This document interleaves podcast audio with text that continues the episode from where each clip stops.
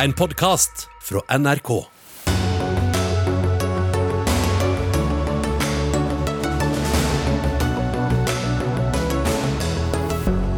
En kald krig kan snart bli varm. Imens snakker vi om proxykrig og propagandakrig.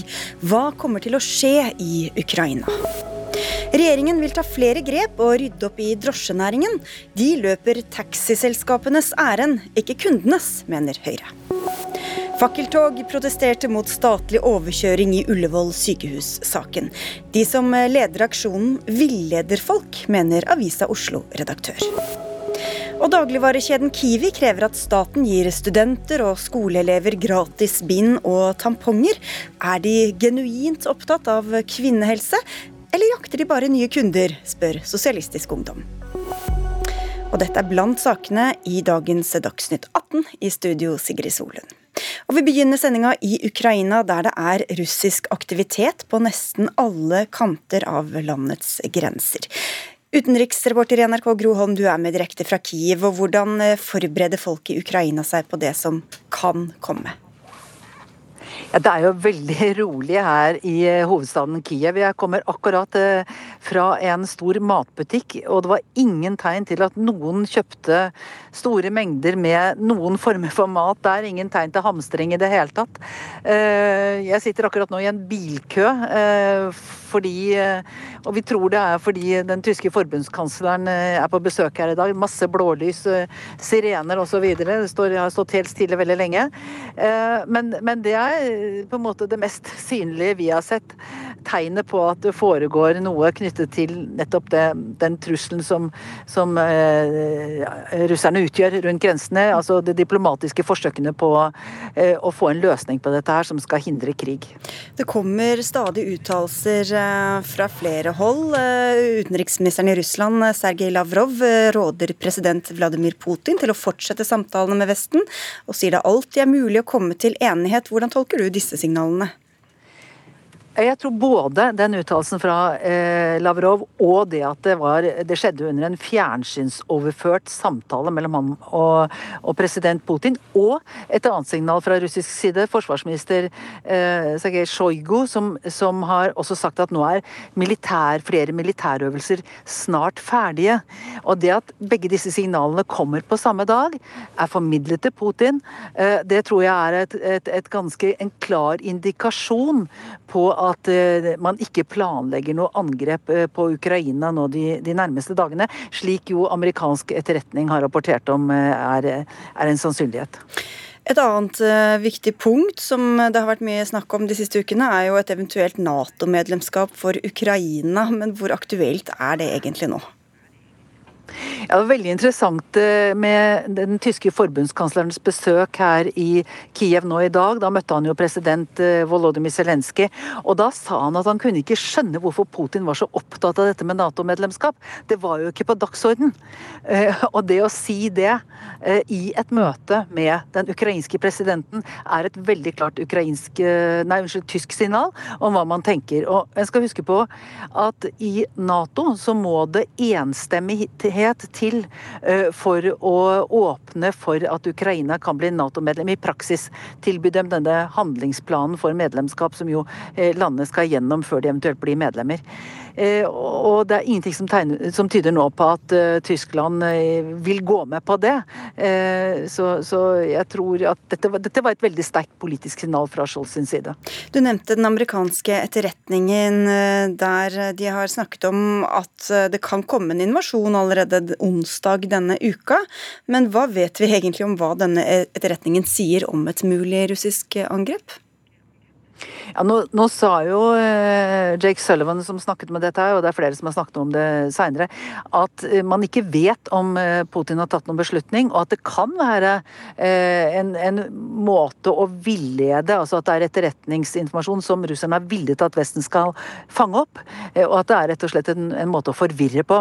Eh, så, så, det kan jo være det som er, er tilfellet.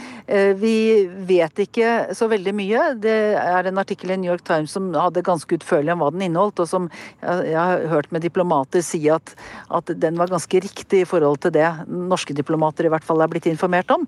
Men eh, ellers eh, tror jeg det blir mindre og mindre sannsynlig nå at, at, at dette angrepet onsdag, som da er på en slags forhåndsvarslet fra amerikansk side, at det kommer til å skje. Vi tar med oss dette videre. Takk skal du ha, Gro Holm. Julie Wilhelmsen, forsker ved, ved NUPI. En ting er jo da denne krigen mellom Russland og Ukraina. En annen ting er jo all denne ordkrigen, eller det du har kalt en gjensidig propagandakrig mellom Russland og Vesten. Hva går den propagandakrigen ut på? Nei, Det er vel mer en slags observasjon når man følger med på hvordan eh, Russland, det offisielle Russland snakker over tid, og hvordan eh, Nato og USA snakker over tid, så, så ser du at det er veldig veldig enkle, eh, ensidige fortellinger om hva denne konflikten dreier seg om. Og skylden plasseres alltid godt og ensidig på den ene siden, og, og det er til tider veldig oppblåste fiendebilder som, som, gjentas og gjentas og gjentas, og det gjør det veldig vanskelig til slutt å faktisk se, til og med som forsker, hva er det egentlig konflikten dreier seg om? Hva er stridsspørsmålene? Hvor eh, ville man kunne begynne å eh, f.eks. For forhandle for å vikle seg ut av denne konflikten? Og de siste uttalelsene som er kommet bare i dag, da, hvordan tolker du det inn i den, eh, den propagandakrigen? Nei, det er jo nettopp det som er, er det problematiske. Når, når, Russland så sier at ja, nei, nå er eh, øvelsene eh, over. Er det bare et bedrag for å eh, Har disse øvelsene eh, og, og, denne militære posisjoneringen bare vært der for å drive skremsel, for å uh, undergrave eh, Ukraina? Eller er det, eh, er det et reelt uh, utspill? Um, det, det, blir veldig vanskelig å se.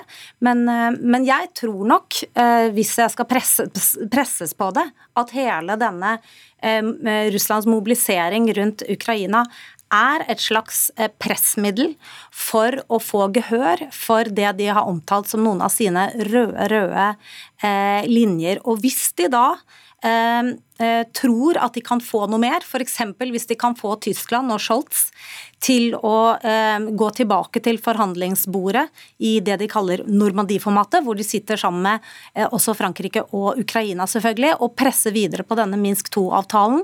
Eh, nå må du forklare hva Minsk 2-avtalen er. Nei, Minsk 2-avtalen er den eneste avtalen som man har der fra 2015, som på en måte går, skisserer en løsning på eh, Øst-Ukraina-spørsmålet. Og Problemet med den avtalen er at den er på en måte litt Russlands diktat og går i, i, i Russlands favør. og Derfor så har verken Kiev eller Tyskland og Frankrike vært villige til å presse Kiev til å imøtegå de, eh, de kravene som ligger der. Men allikevel, så når situasjonen er som det er med denne konflikten i Øst-Ukraina, så, eh, så er den på en måte en mulighet da, for å få dette territoriet ført tilbake eh, til Russland, slik at Ukraina får kontroll på sine grenser. Men poenget er altså at i den avtalen så vil f.eks. Ukraina få en spesiell status Nei, Øst-Ukraina få en spesiell status innenfor Ukraina. Og eh, det vil eh, selvfølgelig Kiev for øyeblikket ikke, ikke gå, gå inn for. Tor Bukkvold, sjefsforsker ved Forsvarets forskningsinstitutt. Alt det som blir sagt nå, hvor, hvor mye vekt skal vi legge på det? Du må jo ta det alvorlig, det som blir sagt. Det må, man bestandig. Men jeg tror akkurat som Julie sier, at det er, det er veldig vanskelig å vite når man sier noe for å oppnå en eller annen effekt, og når man snakker, sier noe man faktisk mener. Eh, og ofte, Av og til så kan det faktisk være begge deler samtidig. Så det er på en måte litt opp til oss, oss da, som er prøver å eksperter, å finne ut når det er, er det ene eller andre. Men eh, du må jo ta det som blir sagt, eh, alvorlig. Jeg tror ikke at det er en og Det har heller ikke vært gjennom hele den konflikten noen motsetning mellom styrkeoppbygninga på den ukrainske grensa og forhandlingssporet. For det at, eh, som Julie var inne på, det, det henger sammen. Og Russland prøver med den styrkeoppbygginga å få best mulig forhandlingsposisjon, og så får vi se, eller får de se hvor langt de klarer å presse, eh, både når det gjelder eh, det kravet de har stilt, men også i forhold til Minsk-avtalen. Og så på et eller annet tidspunkt sannsynligvis så må de da bestemme seg. Eh, nå har vi, det her er det vi klarer å oppnå. Og da er, måte, da er det store spørsmålet er det nok til å ikke sette i gang med en militær aksjon, eller er det ikke nok? Og så er det jo spørsmål om dersom det skjer, om den må skje ganske raskt. Hvorfor det egentlig? Nei, jeg er ikke så sikker på at det må skje veldig raskt. Det er klart at Hvis han begynner å trekke tilbake styrka, så, så er vi, da er vi over. Men nå har det altså her bare gått i tre måneder, tror jeg. Det er ikke umulig at det kan pågå en måned til. Det, vi vet egentlig ikke slutten på det her. Så lenge Russland tenker at det er mulig å opprettholde press og forhandlingsbordet samtidig for å oppnå enda mer, så tror jeg de vil fortsette med det. Men dette som Gro Holm også var inne på, at hvis amerikanerne sier at dette kan skje allerede på onsdag, så kan det også være i Russlands interesse av at noen skal tro det, eller hva, hvordan skal vi tolke alt dette her, Julie Ja, absolutt, og det er jo det som er så, det, det, det som er så vanskelig her. Og jeg, jeg syns det er litt søkt å si at, at eh, USA på en måte driver med disse utspillene, at det sannsynligvis er plantet av Russland for å lure dem. For jeg tror vi, vi må nok innse at USA også driver med ganske mye skremsels Eh, propaganda. Men det paradoksale med disse utsagnene og til og med disse datoene for en invasjon, er at de spiller i hvert fall rett over i Putins hender. For det første så kan han eh, overfor sitt interne publikum si se, det er det vi har sagt. Eh, USA driver og betegner oss som fiender, og, de er krigshissere osv. Og, og for det andre så er det jo Putin som har neste trekk. Og han kan jo da selvfølgelig velge å gjøre noe helt annet enn hvis han nå hadde tenkt på en invasjon. Så kommer han i hvert fall ikke til å sette i gang den på onsdag han, han, han, har andre trekk, og det er jo det som er tilfellet med konflikten om uh, Ukraina. Uh, det er at det er på en måte Russland som er den sterke part her, og de har en annen mulighet, som jeg har sett de siste dagene. Nå har vi sett noen i den russiske dumaen foreslå at kanskje er en mulighet for Russland å anerkjenne disse utbryterrepublikkene som, som selvstendige stater, og så vil de kunne invitere inn et russisk militært nærvær.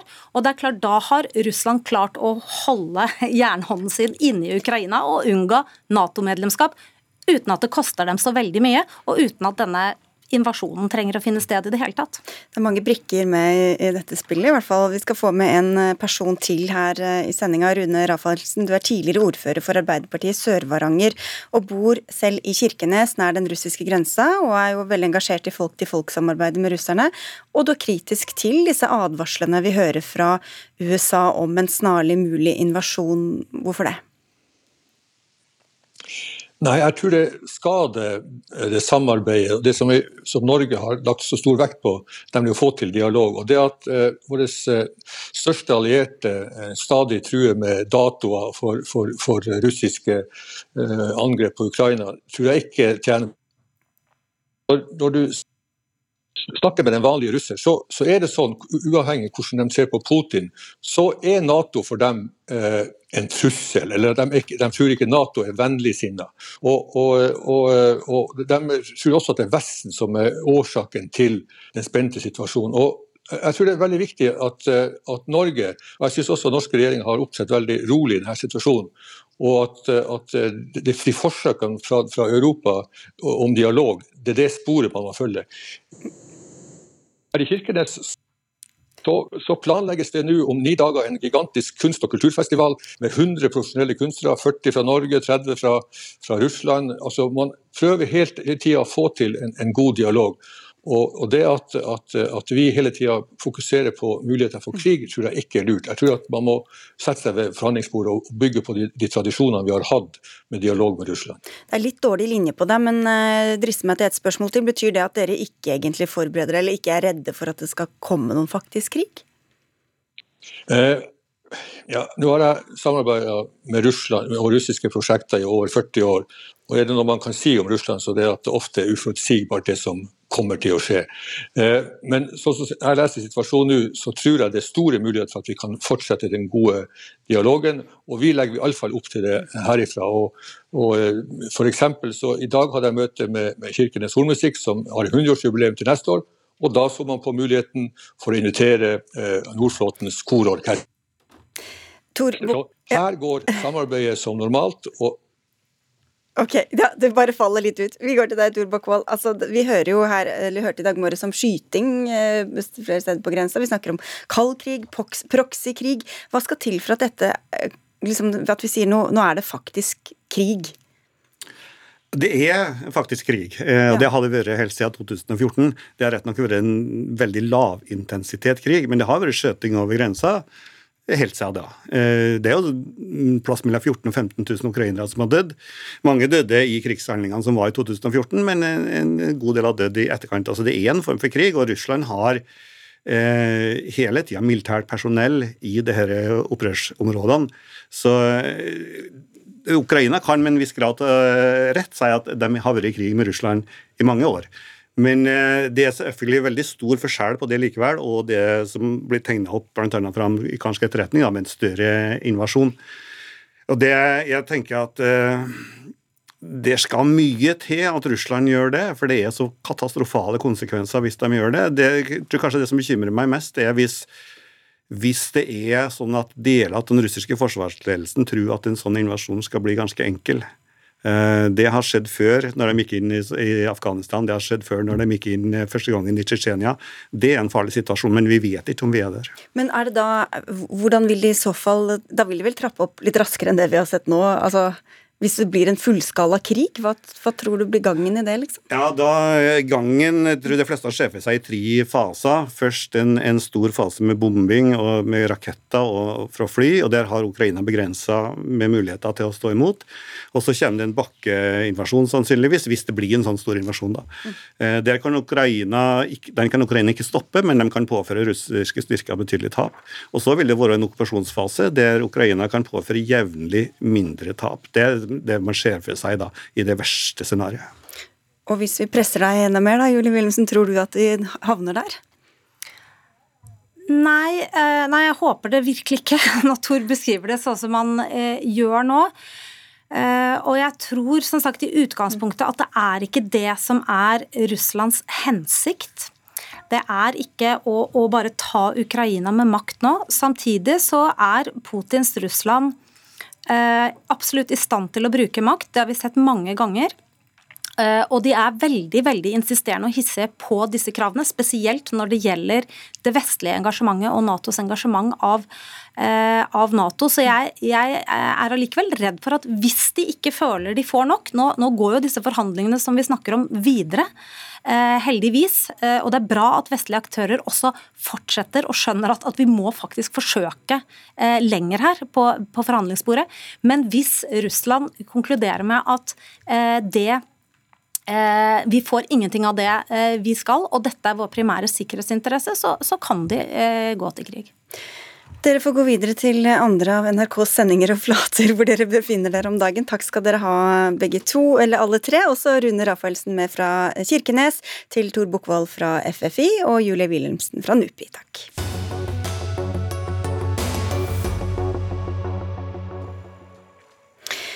Det skal bli strengere regler for hvem som kan kjøre drosje. Den forrige regjeringen løste opp i regelverket for taxinæringen for et drøyt år siden, noe som bl.a. førte til et frislipp i antall drosjeløyver. De fjernet også kravet om at alle drosjene skal være tilknyttet en drosjesentral. Dette har ført til flere problemer som dere vil rette opp i, sier du samferdselsminister Jon Ivar Nygaard. Hvilke problemer er det? Ja, det er jo sånn at uh, Både kundene har opplevd en, uh, et mer uoversiktlig tilbud. Uh, vanskeligere å skjønne hvordan taximarkedet er skrudd sammen. Og ikke minst så går det utover arbeidstakerne i den sektoren. Vi er jo nesten i ferd med å få et løsarbeidersamfunn innenfor taxibransjen, og det er ikke bra. Så dette må vi rydde opp i. Ja, for Hvordan fungerer det nå i dag? Vi har jo fått en overetablering i by og et nesten ikke ikke-eksisterende tilbud i distriktene. og Det er jo verken bra for kundene. og I by så har vi da endt opp med en situasjon at uh, sjåførene har blitt uh, langt flere og kjemper om de samme kundene. og Bruker da store deler av tiden sin til å vente på kunder og få lave inntekter. og sånn sett så, så gjør jo dette her, dette yrket til noe annet enn det vi ønsker at det skal være. Vi ønsker at det skal være en jobb på linje med andre yrker. At det skal være seriøse og anstendige vilkår rundt det. Trond Helleland, samferdselspolitisk talsperson i Høyre. Det var dere som endret dette altså for et eh, drøyt års tid siden. Men nå sier du at disse planene fra regjeringen eh, vil gi et dyrere og dårligere taxitilbud. Hvordan vet du det? Ja, det vet vi jo fordi at uh, i svært mange andre land så er, så er, det innført nye tjenester. Du har Uber, du har Yango, du har Bolt. Du har mange alternative forretningsmodeller som uh, viser seg å være veldig kundevennlig. Du vet hva du betaler når du setter inn i bilen. Du uh, ser at bilen kommer på appen din. Og det er i det hele tatt et svært godt tilbud. Men jeg må arrestere Nygård på en ting. Når han snakker om dårligere taxitilbud i distrikta, så er det sånn at den taxireformen som vi innførte, den gjaldt 32 kommuner i Norge. Det er altså de aller største kommunene, mens 320 kommuner har enerettsmodellen eller kan ha det.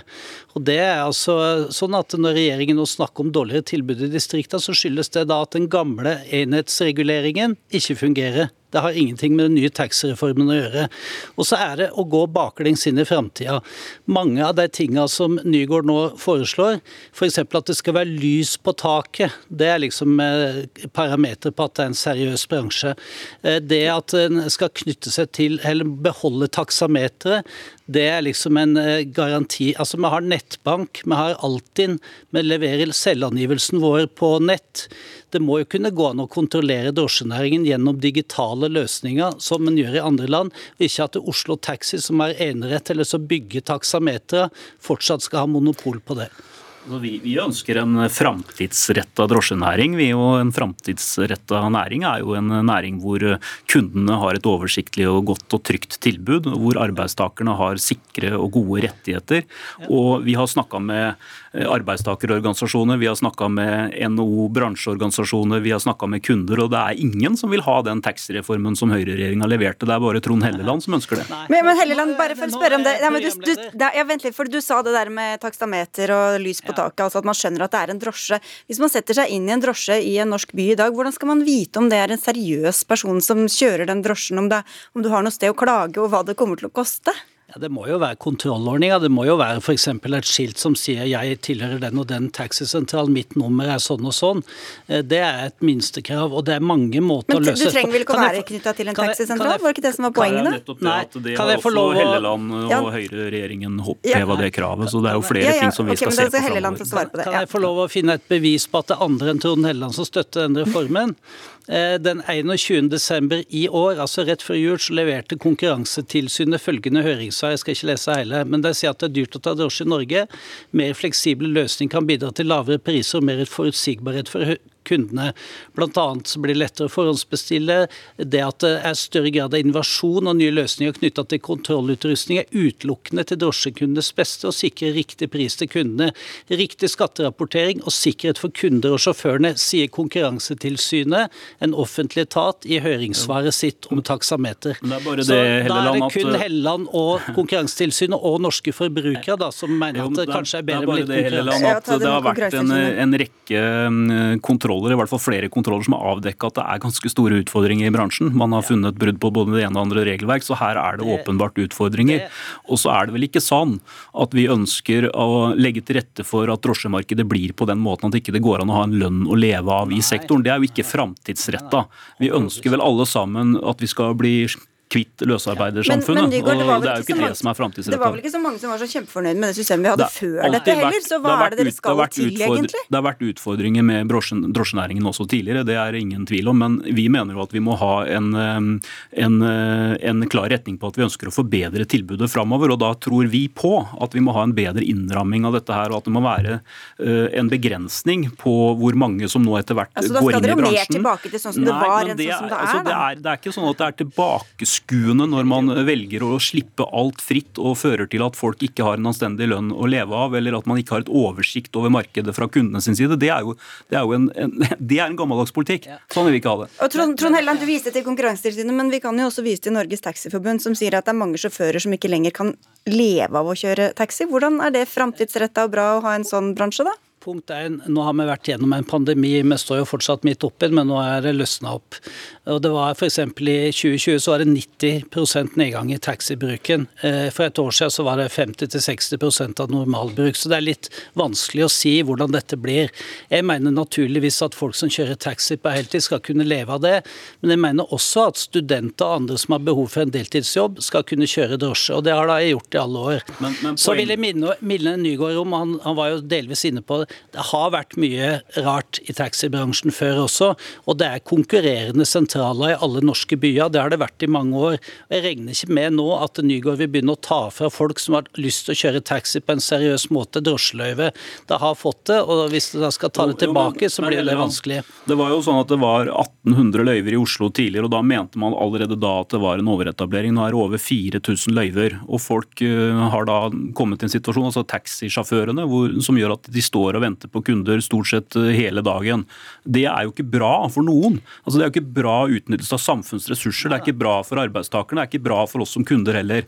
Så vi må jo da gjøre noe med det. Jeg syns ikke det er noe godt alternativ men, men å sitte stille i båten. Vet du at det er, Nå nevnte jo Helleland at vi er faktisk fortsatt i en pandemi, ja, eller på vei ut. da, altså hvor, hvor representativ er de årene vi har lagt bak oss nå? Pandemien har sikkert også påvirket, men det er nå tross alt sånn da, at det har ikke vært pandemi kontinuerlig hele tiden her. altså Det har vært pandemi, men det har ikke påvirket nødvendigvis kollektivtransporten hele tiden. Så vi er ganske trygge på at uh, de endringene nå ser skyldes denne taxireformen. I likhet med samferdselsministeren så er det mange møter med ulike transportaktører, inkludert jernbaneselskap, busselskap og andre, som jo har opplevd en kundeflukt under pandemien. Vi har fått et nytt reisemønster, det er mer hjemmekontor osv.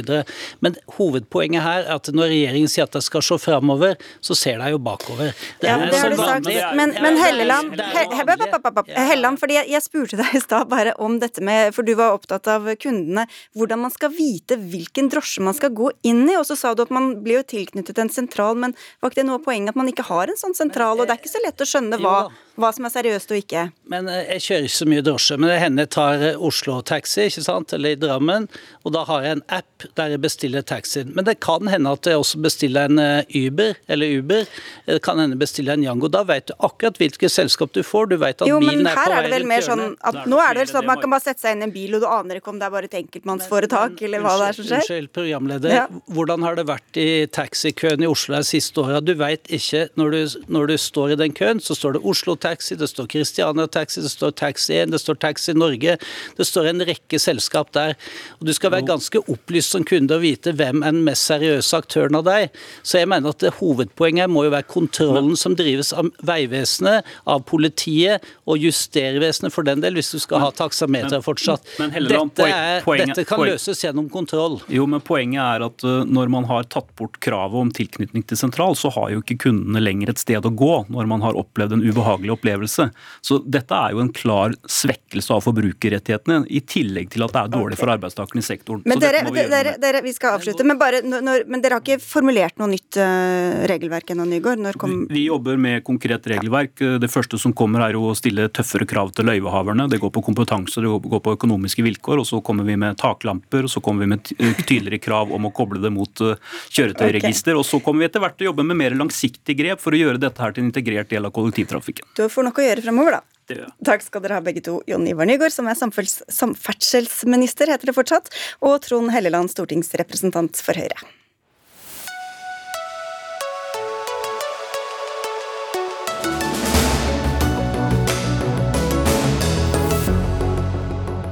Kampen for å redde Ullevål sykehus er ikke over, til tross for vedtak for mange år siden om å legge det ned til fordel for et nytt regionsykehus på Gaustad og utvidelse av Aker sykehus. For få dager siden var det nye protester gjennom et fakkeltog i Oslo sentrum mot nedleggelse og mot muligheten for at staten kan overkjøre Oslo-politikerne i saken. Men de som leder an i denne kampen, skaper falske forhåpninger, skriver du i Avisa Oslo, hvor du er politisk eh, redaktør, Eirik Mosveen. Hvorfor sier du det sånn? Nei, eh, for at du skal få med deg folk til å gå i tog og på en måte jobbe for mot da, å nedlegge Ullevål, så tror jeg man kanskje er avhengig av en forestilling om at dette er det mulig å gjøre noe med.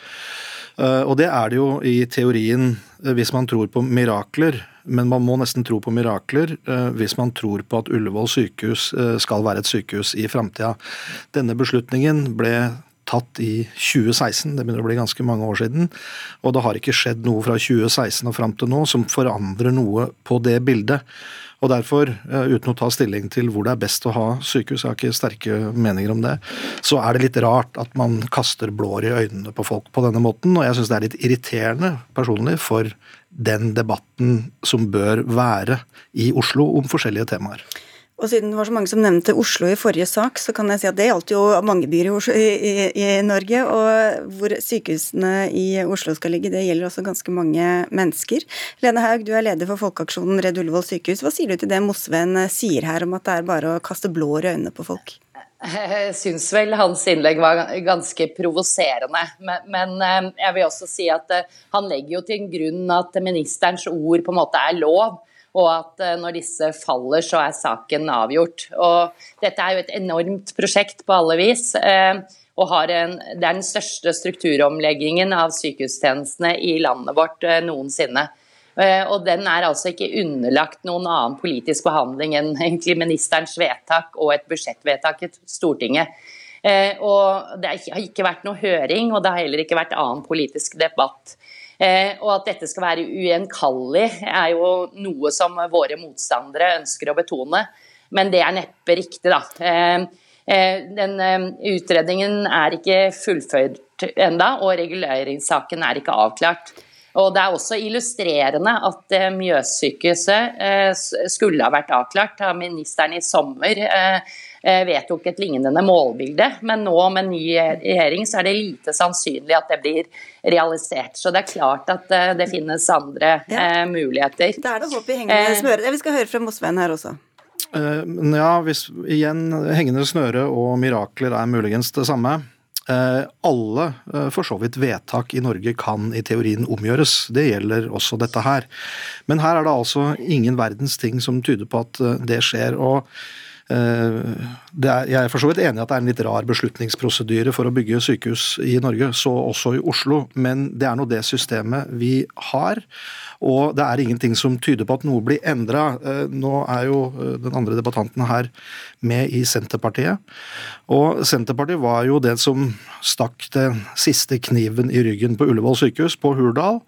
Eh, med plattformen der, hvor de sa at eh, man skulle følge opp nøyaktig det som Stortinget har da gitt sin tilslutning til. Nå er du vel ikke her som representant for Senterpartiet, men som eh, denne folkeaksjonen Redd Ullevål sykehus, Lene Haug. Men hva er sannsynligheten for at dere får politikerne til å snu etter så mange demonstrasjoner, så mange år? Så mange vedtak. Altså, som sagt, det er altså ikke en ferdig sånn forprosjekt, fordi det forutsetter tomter. Eh, reguleringssaken det er eh, kanskje den prosessen som er mest demokratisk i dette, hvor det er høringsrunder og hvor det er Oslo kommune som er eh, beslutningsmyndighet over disse reguleringssakene. Og det var jo det dette fakkeltoget dreide seg om. Det dreide seg om å si nei til en overprøving av Oslo kommune i form av en statlig regulering, som vi syns er veldig viktig.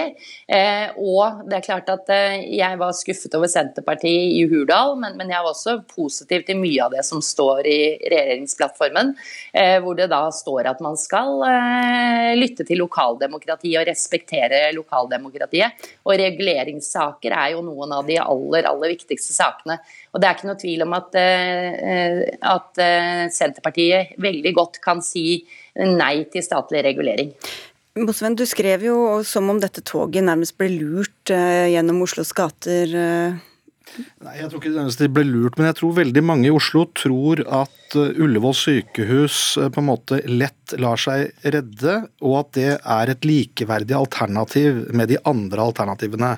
Eh, det mener jeg er å kaste blår i øynene på folk, for det er det ikke. Eh, det er, eh, det er riktignok sånn at vi har disse foretakene i, i, helsevesenet i Norge som foretar mye av disse beslutningene, og så gir statsråden sin tilslutning til det, og det var det som skjedde. Jeg er for så vidt enig i at det er en ganske mangelfull beslutningsprosess, men det er ikke noe tvil om at det er den beslutningsprosessen et flertall i Stortinget ønsker og har vedtatt. Og det, det, er fint med Jeg er veldig glad i lokaldemokratiet i Oslo, men det er altså ikke sånn at lokaldemokratiet i Oslo eller noe annet sted i Norge fullstendig overprøver et mange, mangeårig stortingsflertall i Norge. Så det er også å tro på julenissen, og vel så det. Lenhaug? Ja, altså nå er det sånn at eh, Hvis det var sånn Det, det er jo valg eh, som, som, avgjør at det kommer nye politiske flertall. Det har kommet et nytt politisk flertall i Oslo, eh, for så vidt også på Stortinget. Eh, og, og, det er lenge før disse prosessene er eh, ferdig eh, håndtert. sånn at nye flertall på Stortinget kan selvsagt gjøre om på det. Det har vi, nå ser vi f.eks. med Mjøssykehuset. Akkurat det samme målbildebeslutningen. Eh, og så, så, er det Den viktigste grunnen til at vi, vi ikke gir opp, som irriterer Mosveen, eh, og, og den måten han går til angrep på oss på, det syns jeg er et angrep på demokrati. Jeg syns det er et angrep på ytringsfriheten. Jeg syns det var ganske ufint. Fordi om han er sliten av dette, så eh, kan det jo ikke stoppe der. Og nå må jeg få bare snakke litt. Og, og, du, og du, du, du sa også at du ønsker deg et høyere nivå. Eh, og jeg mener vi har en veldig faktabasert debatt. Eh, dette, vi representerer på en måte de tillitsvalgte, det er professorer, medisinsk ekspertise, juridisk ekspertise. Du later fortsatt som om dette er en åpen eh, sak som er fritt valg på øverste hylle. Det er det overhodet ikke. Det er mange andre saker som er det, men denne saken er ikke det. og Derfor er ikke du spesielt redelig, syns jeg. Unnskyld, unnskyld et øyeblikk, jeg later ikke som det. Det er derfor folk går ut i gatene, fordi man vet at det er en overhengende fare for at, for at vi ikke blir hørt. Og Det er derfor man har demonstrasjoner som et virkemiddel i, eh, i eh, demokratiet vårt. Og du som er politisk redaktør, eh, syns jeg burde respektere det, og ikke gå til angrep på eh, våre som deltar i vårt fakkeltog. Som de er blitt lurt av noen slags rottefangeren i Hamlen til å være med på noe de ikke forstår fordi de er gamle. Altså Dette er erfarne, flinke mennesker som skjønner eh, eh, kan veldig mye. Mhm. Eh, og, og, og det, altså, mange er ganske sinte for den kommentaren der. Og, vi, vi, må avslutte det her, men du, kan, du, du, hadde en liten spydighet der, ja, Erik Mosven, om at de var så høy alder på alle som gikk i det toget. så... Jeg bare, skrev bare som sant var at jeg trakk aldersgjennomsnittet i demonstrasjonen ned, selv, selv om jeg er 54 år. Jeg syns det var litt uh, vesentlig at det var ikke akkurat ungdommen som gjorde opprøret på vegne av Ullevål sykehus i den saken. og det er litt Hvor, interessant. Tror du, det, det, er jo fordi at dette er pasientene. Det er de som trenger sykehusene og forstår hva som står på spill. Og, og grunnen til at vi, vi, slåss mot dette, og vi kommer til å vinne, uh, og det tror jeg faktisk på, for det er all sunn fornuft. Det er fryktelig, fryktelig dårlige planer. Okay. Det er ikke plass på to, Dere, tomtene. Vi, går, vi kan ikke gå inn på det. Du tror, du tror dere vinner, det tror i hvert fall ikke du, Erik Mosveen. Takk skal dere ha. Okay. Takk skal dere ha, begge to.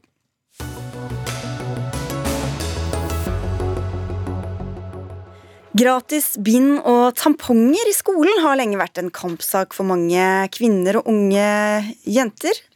Nå kaster også Norges største dagligvarekjede Kiwi seg inn i debatten. Kristine Aakvåg Arvin, du er kommunikasjonssjef i Kiwi, og i E24 så tar du til orde for at nettopp disse varene tilbys kostnadsfritt på alle studiesteder og skoler.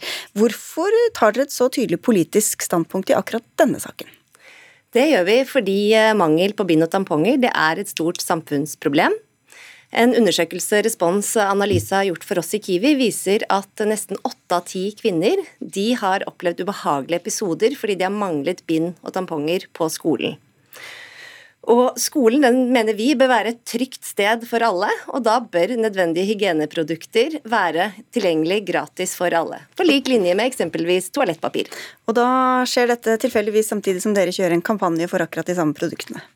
Ja, Kiwi vi er jo en eh, kommersiell aktør, eh, og det skal vi ikke legge skjul på. Vi ønsker å være kundenes første valg. Eh, samtidig så mener vi ikke at det er noe i veien for at en kommersiell aktør kan ta et tydelig standpunkt i et så viktig verdispørsmål. Og Vi selger mest bind og tamponger i landet. I år så har bind- og tampongavtalen vår tiårsjubileum, og da ønsket vi å markere dette med denne kampanjen. Synnøve Krohns Nyen, du er leder i Sosialistisk Ungdom og kjempet egentlig for det samme, nemlig gratis eh, bind og tamponger lenge. Og nå får dere altså støtte fra Kiwi, men du stiller spørsmål også ved hvorfor de gjør dette. Hvorfor, hvorfor det? Ja, Først og fremst er vi glad for å få støtte fra Kiwi, for dette er en viktig sak som har blitt latterliggjort av veldig mange politikere i lang tid. Og eh, vi mener at selvfølgelig bind og tamponger bør være tilgjengelig på skoler og universiteter. Eh, men så stiller vi spørsmålstegn ved Kiwi sin motivasjon for å gjøre dette. For dette er en sak som veldig mange unge jenter brenner for, som har skapt stort engasjement. Og jeg tror jo Kiwi gjør dette for å lokke unge jenter si, inn i butikken sin for å ikke bare handle bind og tamponger, men også handle andre varer. Så jeg tror dette er en eh, kampanje som de kjører for å få bedre omdømme blant eh, kvinner. Ja, Hva er hovedmotivasjonen, Ervin? Nei, selvfølgelig så ønsker jo vi eh, å appellere til unge kvinner. Det er en viktig målgruppe for oss. Men samtidig så ønsker vi å ta denne kampen på vegne av kundene våre. Og en, Den samme undersøkelsen viser at to av tre eh, kunder, eller to av tre nordmenn de støtter skolekravet. De ønsker gratis bind og tamponger på skolen. Og vi mener at eh, det er en viktig og riktig sak å kjempe. Så hvis det var en mer kontroversiell sak, så hadde dere kanskje ikke kjørt den sånn, da? Det er jo kontroversielt nok, det ser vi jo når vi sitter her. Og det er eh, en tredel som er uenig med oss. Eh, så, så, vi mener alvor. Skal ikke være tvil om at Kiwi vi mener alvor med skolekravet. Tonje Nilsen, du er sentralstyremedlem i Unge Høyre. Dere er også kritiske kritiske til engasjementet til Kiwi her. Hvorfor det? Nei, altså For det første så er vi helt enig i at uh, mensen ikke skal være tabubelagt. Altså Det er jo noe av det mest naturlige som skjer. Uh, men uh, mitt problem ligger i at det her skal være statens prioritet i kvinnekampen. Vi har så masse viktige kamper å ta. F.eks. i u-land så får ikke jenter gå på skolen hvis de har mensen. Vi forsker altfor lite på kvinnelige sykdommer i Norge, og veldig mange er redd når man skal gå hjem fra, fra byen, f.eks. Sånn at det at man skal prioritere gratis bind og tamponger som liksom en viktig del av kvinnekampen, det, det er jeg uenig i. Men, men, men, eh, at Kiwi i det hele tatt engasjerer seg politisk, da, hva syns du om det? Um, nei, altså Når store aktører som åpenbart har markedsinteresse, så, så syns jeg det er litt, eh, litt betimelig. Uh, men jeg syns jo det er bra at Kiwi har satt ned uh, prisene sine på bind og tamponger. Det syns jeg er kjempebra, men jeg er helt uenig i at det er det staten skal, skal prioritere. Ja, når dere setter ned prisen, så trenger man kanskje ikke gratis bind og tamponger da, Arvin? Nei, men Det handler jo like mye om det praktiske som det økonomiske. Eh, det byr på en del praktiske utfordringer, og det gjør hverdagen utrygg for veldig mange elever i skolen hver dag. Og Det er det vi ønsker med skolekravet, er også å sette fokus på disse praktiske utfordringene. Og så har vi også gjort eh, vår jobb. Vi har nå gratis bind og tamponger for alle våre medarbeidere på jobb, og vi har også nå hver andre pakke gratis ut året. Så vi tar jo en del av ansvaret, vi også. Men vi mener at uh, gratis bind og tamponger på skolen det er veldig, en veldig enkel løsning på et veldig konkret problem. Og så er vi helt enige i at det er andre viktige kamper å kjempe også. Men så lenge resultatet er det samme, så er det kanskje ikke så farlig hva motivet er, Snyen? Jeg mener dette først og fremst er pinlig for norske politikere som uh, nå eh, ikke har, eller, At Kiwi har skjønt at dette er en viktig sak før dem, er jo eh, pinlig, og noe jeg håper de store partiene tar eh, til etterretning. Og så er jeg helt enig med det som Kiwi trekker frem, at når du er på skolen og plutselig får mensen, så kan du ikke bare stikke fra timen og gå på butikken for å handle. Og Derfor er jo det vi har foreslått, at staten skal opprette en ordning litt etter inspirasjon fra gratiskondomer.no, hvor man kan bestille Eh, bind og tamponger og menskopper eh, gratis. Og det tror jeg hadde gjort tilgjengeligheten større eh, på skoler og universiteter. Men da tror jeg vi er ganske uenige om hva eh, kvinnekampen handler om i dag. Eh, det handler om at jenter er redd for å gå hjem fra byen, f.eks. At eh, kvinnelige sykdommer ikke forskes nok på. Og for ikke snakke om det internasjonale. altså Der voldtekt brukes som våpen i krig, og jenter som har mensen, får ikke lov å gå på skole. Det, det finnes større og viktigere kvinnesaker å kjempe enn at bind og tamponger skal være gratis. Men hvorfor må de tingene settes opp mot hverandre, da? Fordi at det handler om å prioritere. Og hvis man prioriterer alt, så prioriterer man i realiteten ingenting. Og for meg så handler det om at staten skal prioritere de som trenger det aller, aller mest. Og ved å gi alle elever gratis bind og tamponger, så, så gjør man ikke det. Snyen. Et enstemmig skotsk parlament har vedtatt forslaget om at mensprodukter skal være gratis og tilgjengelig for alle. Og det anslo de at ville koste ca. 280 millioner. Det tror jeg vi i Norge har råd til. Og så er jeg veldig sikker på at hvis menn hadde hatt mensen, så hadde bind og tamponger vært tilgjengelig på alle toaletter. Og det hadde vært en selvfølge også for 100 år siden. Du Arvin, hva koster en pakke tamponger eller bind på Kiwi eller andre steder? Det er litt forskjellig fra merke til merke, men eh, nå er, ligger det vel på rundt 16 kroner for en pakke OB. Så det er ikke den store kostnaden for den enkelte. I hvert fall ikke når du får hver andre pakke gratis. Men, hvorfor, men så ikke så stor kostnad for den enkelte, men ganske store summer for samfunnet, da, hvis de skal betale, eller vi da, skal betale alt sammen? Ja, men vi mener at det er når man får det til i Skottland, man får det til i New Zealand og California og eh, mange andre steder, så burde det være mulig å få til det i Norge òg. Som sagt, vi mener at dette burde sidestilles med toalettpapir som et helt nødvendig hygieneprodukt. Ja, det er ikke sånn at man kan velge om man får mensen eller ikke, Nilsen? Eller Nei. man kan til en viss grad, men som regel ikke. Til en viss grad, men, eh, men som som regel ikke. Men eh, jeg tenker også litt sånn at eh, eh, hvis alle sammen skal ha gratis bind og tamponger, så burde man heller prioritere å hjelpe de som trenger det aller mest. fordi at det er ganske mange som vokser opp i fattigdom i Norge, f.eks. Og da mener jeg at istedenfor at staten skal, skal skeie det ut på absolutt alle, så mener jeg at man heller skal prioritere de som trenger det mest. Arvid? Ja, igjen så mener vi at det handler like mye om det praktiske, og det gjelder for alle jenter, uavhengig av inntekt. Snyen, eh, hvorfor eh, Altså, man må prioritere, som vi hørte fra, fra, studio her. Hvorfor er dette så viktig at selv om man da har råd til andre ting også, så går det jo utover noen andre ting, da? Jeg tror vi kan klare å kjempe mange likestillingskamper eh, samtidig. Og så syns jeg det er viktig at man bruker i snitt rundt 300 000, nei, 30 000 kroner i løpet av livet på sanitetsprodukter hvis man har mensen. Det er mye penger. og Derfor mener vi at samfunnet bør ta denne kostnaden, fordi eh, det er viktig for at unge jenter skal ha det greit på skolen. For får du mensen når du er på skolen og ikke har bind og tamponger, så kan det bli ganske krise. Og vi vet at ungdom f.eks. har mer uregelmessig mens enn andre. Og da er det vanskelig å planlegge når du skal få mensen. Og da mener vi at det burde være lett tilgjengelig på skolene. Sånn at man eh, slipper eh, å stresse med det. Og det burde ikke være sånn at du må tigge norsklæreren din om å få låne bind og tamponger av henne. Det burde være tilgjengelig. På Skolekravets nettsider så har vi de siste to ukene fått inn over 3000 historier fra folk rundt i Norge som forteller eh, sine personlige historier. Og Det viser tydelig at det er et stort engasjement der ute, og det er et stort behov. og Det mener vi politikerne bør ta på alvor. Og i hvert fall når vi vet at to av tre nordmenn er enig i skolekravet. Jeg er enig i at eh, det skal ikke være tabubelagt å ha mensen. Det skal ikke måtte være pinlig. Men da tror jeg vi må starte i klasserommene, at vi må tørre å snakke om mensen, gutter og jenter. Men hva gjør man da hvis man får mensen og så har man ikke noe tilgjengelig? Da er man avhengig av å kunne kjøpe det, da. Men sånn, de aller aller fleste har råd til å kjøpe bind og tamponger sjøl. Jeg er mer opptatt av at vi skal hjelpe de som trenger staten mest. Og så er det veldig mange andre viktigere kvinnekamper å ta enn eh, gratis eh, bind og tamponger. Ok, Vi skal videre, men bare før det går, Arvin, hva er det som gjør altså kan, Dere kan jo engasjere dere i dyrevelferd for kjøttproduktene dere selger f.eks., eller eh, mindre sukkervarer i butikken. Hva er det som gjør at dere engasjerer dere politisk i denne saken f.eks., og ikke andre? Nei, Vi har tradisjon for å utfordre. Vi har utfordret gjennom momskuttkampanjer tidligere. Sunnhet i folket er hjertesaken vår. Men akkurat nå så mener vi at dette er en riktig og viktig kamp å kjempe på vegne av våre kunder og våre medarbeidere. Men ikke de andre sakene jeg nevnte? Jo, vi jobber på mange arenaer samtidig, vi. Så det er ikke sånn at det ene utelukker det andre. Vi tenker eh, at akkurat nå er dette en eh, viktig kamp, og så skal vi selvfølgelig også jobbe på de andre områdene. Takk skal dere ha, i hvert fall eh, alle tre. Kristine Åkvåg Arvin fra Kiwi, Tonje Nilsen fra uh, Unge Høyre og Synnøve Kronens Nyen, som er leder i Sosialistisk Ungdom.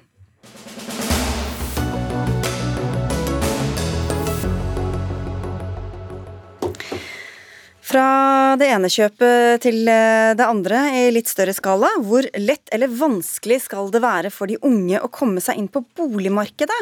Innen 30.9 skal Finanstilsynet komme med en ny vurdering av utlånsforskriften. Den setter rammen for hvor mye lån bankene kan gi. Og I den anledning tar du til orde for rentefrie boliglån for unge Mari Omamre. Du er stipendiat i boligmarkedsøkonomi ved Norges miljø- og biovitenskapelige universitet. Du sa dette til Finansavisen, men hvorfor vil du gi gratis lån til de unge? Nå legger vi jo bak oss en periode hvor vi har hatt høy boligprisvekst og eh, strammet inn betydelig på utlån eh, med boliglånsregler og krav til lån inntekt, eh, også økt egenkapitalkravet i tillegg fått opp et gjeldsregister som gjør det vanskeligere og vanskeligere å få lån. Eh, og det vi har sett i andre land, er at man har flere steder som Irland og Australia kombinert innstramminger med mer målrettede ordninger rettet mot førstegangskjøpere, som rentefrie lån til deler av egenkapitalen. Eh, som man har gjort i Australia, eh, og eventuelt også da økt den fartsgrensen eh, parallelt med innstramminger som dreier seg om hvor mange som kan få unntak fra de boliglånsreglene. Men her hjemme så har vi bare strammet inn uten å, å ivareta førstegangskjøpere i den prosessen. Da. Men beskriv hvordan et sånt rentefritt lån kunne fungert da for en, en eller et par som skulle kjøpe seg en leilighet? Nå, jo, eh, nå, har man jo fått litt erfaringer andre steder, eh, og, rentefritt er jo litt sånn eh, med gåsetegn, for penger er jo ikke gratis, og dette skal jo betales tilbake. Men sånn man har gjort det med ganske stor suksess i Australia, er å ha en kvote på et visst antall utlån. 10 000, 20 000 i året, og da administrerer man det. I Norge kunne vi gjort det f.eks. via Husbanken, som gir ut lån til lavinntektsgrupper i dag. Her er det også mulig å utvide til gjennomsnittsinntektsgrupper eh, av førstegangskjøpere som ikke har kjøpt bolig før. Og da gjelder det et visst antall år, da, selvfølgelig. Du skal jo betale renter etter hvert. Ja, og ja. fem år tror jeg man har hatt god erfaring med før rentene da begynner å løpe. Nettopp. Henning Lauritzen, administrerende direktør i Eiendom Norge. Du syns ikke dette er den beste løsningen, hvorfor ikke? Jeg syns det er veldig bra at Mario Mamre tar opp problemet. fordi det vi vet er at utlånsforskriften har gjort det vanskelig å komme inn på boligmarkedet for de som ikke har foreldrebank osv. Altså for, for hjelp fra foreldrene sine, rett og slett? Ja, de, de, som ikke får en eller annen form for økonomisk hjelp fra foreldrene. Det kan være støtte til lån osv. Men, men det som virker litt rart med akkurat dette forslaget, det er jo at staten skal gå inn og så bremse med den ene foten og si nei, du får ikke lån. Og så skal de med den andre foten gasse og si jo, du skal få eh, rentefritt lån likevel. Og da tror jeg man kunne tenke seg en eh, enklere måte å gjøre dette på som vil få akkurat samme effekten. Fordi det at vi må gjøre noe, det tror jeg er ganske viktig. Fordi eh, utlånsforskriften i dag den stenger mange helt ute fra boligmarkedet. Men hvorfor eh, er det så negativt å bremse og gasse samtidig? Nei, det, det, blir veldig rart. fordi eh, Det er veldig rart å si nei til noen eh, for at de skal få lov til å få et lån, for å så gi dem en annen type lån. Da kan man jo heller si at jo, du skal få lån. Vi målretter lånene til f.eks. førstegangskjøperne, og så lar vi dem få litt større lån etter utlånsforskriften, i stedet for at vi først sier nei, og så gir dem noe annet. Ja, for den Forskriften har jo gjort det litt strengere. Du må ha en høyere grad av egenkapital, og du kan bare låne så og så mye av inntektene osv. Men til dette, da, Mamra, at man kan ikke både gasse og bremse samtidig? Jo, jeg tror man kan det, men jeg ser jo absolutt poenget til Henning. Vi hadde jo en, mange år hvor vi bare hadde boliglånsrenta som virkemiddel for å stagge boligkreditten i Norge, og det var jo viste seg å ikke være tilstrekkelig. Eh, og det, vi har fått finanskrise og vi har hatt eh, covid-krise, og det skjer jo stadig noe med norsk økonomi som gjør at de rentene har vært veldig veldig lave for boligmarkedet mange steder. Og Så fikk vi boliglånsreglene, og de har eh, vist seg å fungere godt. Og, og det man har sett, er jo at de boliglånsreglene de treffer jo ikke bare unge førstegangskjøpere, men også Eh, mer eh, etablerte husholdninger som kanskje vil låne til både hytte og sekundærbolig, i tillegg til boligen de bor i selv.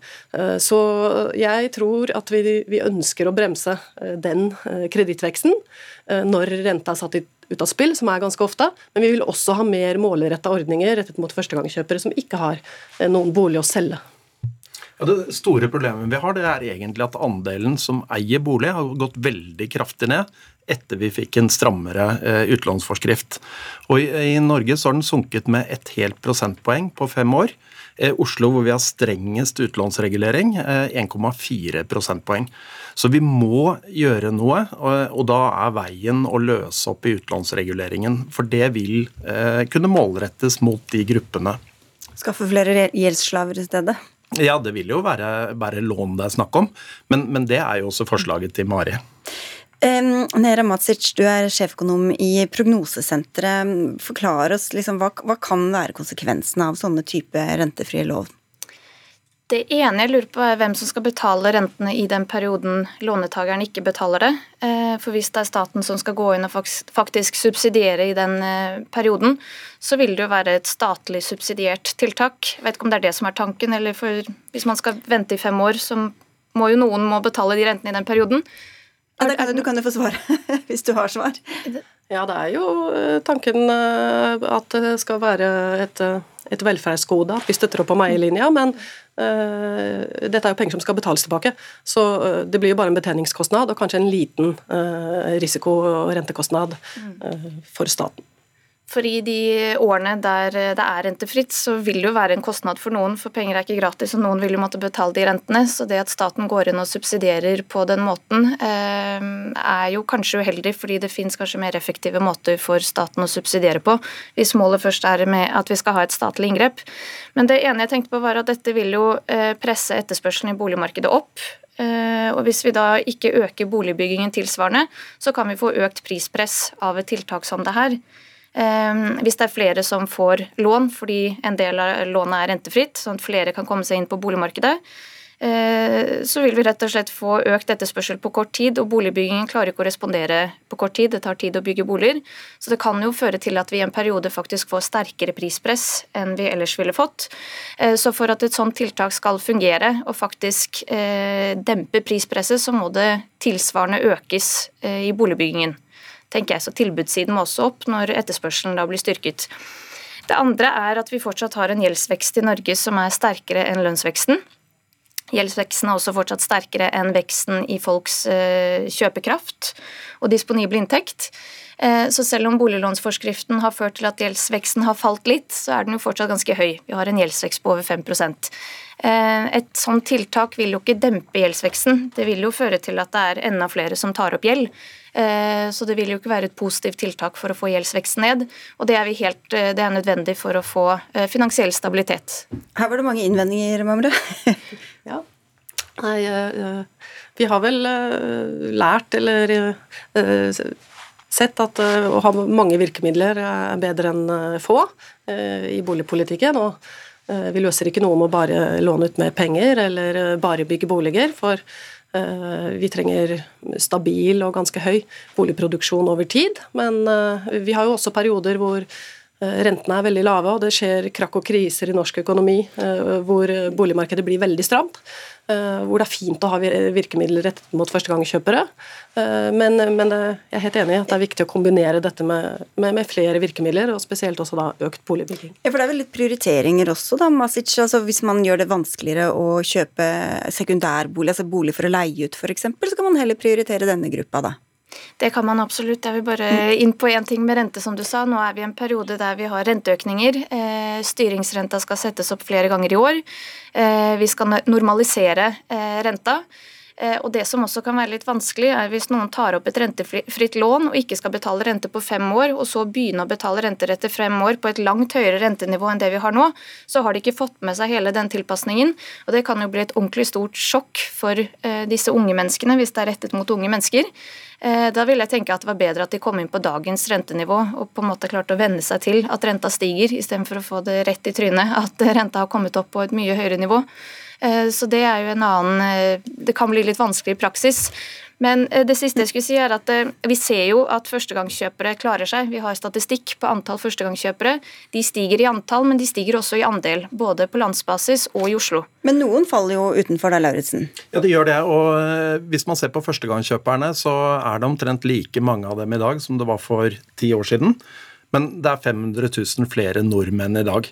Og så har andelen sunket over tid og tatt seg litt opp eh, de siste par årene. Men jeg syns den viktigste indikatoren det er om folk eier eller leier bolig. Og andelen leietakere den eh, vokste, altså eh, krympet i Norge fra 1920 til 1990. Så gikk den svakt oppover, og nå går den bratt oppover. Og Det eh, sammenfaller med den strenge utlånsreguleringen. Så ja, utlånsreguleringen er fin for finansiell stabilitet, men det er noen som bærer en veldig stor del av belastningen, og det er det vi må gjøre noe med. Og Hva skal vi gjøre da for at ikke folk skal være avhengig av eh, velstående foreldre, og heller ikke låne helt over evne? Eiendom Norge har siden 2014 foreslått det vi kaller et kollektivfelt for førstegangskjøpere. Altså at vi har mer liberale ordninger i utlånsforskriften for førstegangskjøpere. Og det tror vi fortsatt er en veldig god idé. Men Der kan man låne veldig mye penger da, også som man kanskje angrer litt på seinere. Jo, jo det, det, er faktisk en realitet, og det må kombineres med det Neira sier. Det er utrolig viktig at tilbudssiden også følger. For hvis man bare øker kjøpekraften uten at det blir flere boliger, vel da blir det bare høyere boligpris og ikke lettere å komme inn. Så disse tingene må alltid kombineres. Ok, Mamre, du fikk ikke med, med, med deg disse to andre her, men uh, du har sådd noen tanker, kanskje? Jeg, jeg håper at uh, man kan bedre balansere uh, målet om å ivareta boliglinja og finansiell stabilitet framover. Takk skal dere ha. Dette er jo et evigvarende tema som vi kommer til å diskutere veldig mange flere ganger. Takk skal dere ha for at dere gjorde det i dag. Dagsnytt 18 er ved veis ende. Det var Gro Arneberg som hadde ansvaret for innholdet. Eli Kyrkjebø hadde det tekniske ansvaret. Mitt navn er Sigrid Solund, og vi ønsker en riktig fin kveld videre.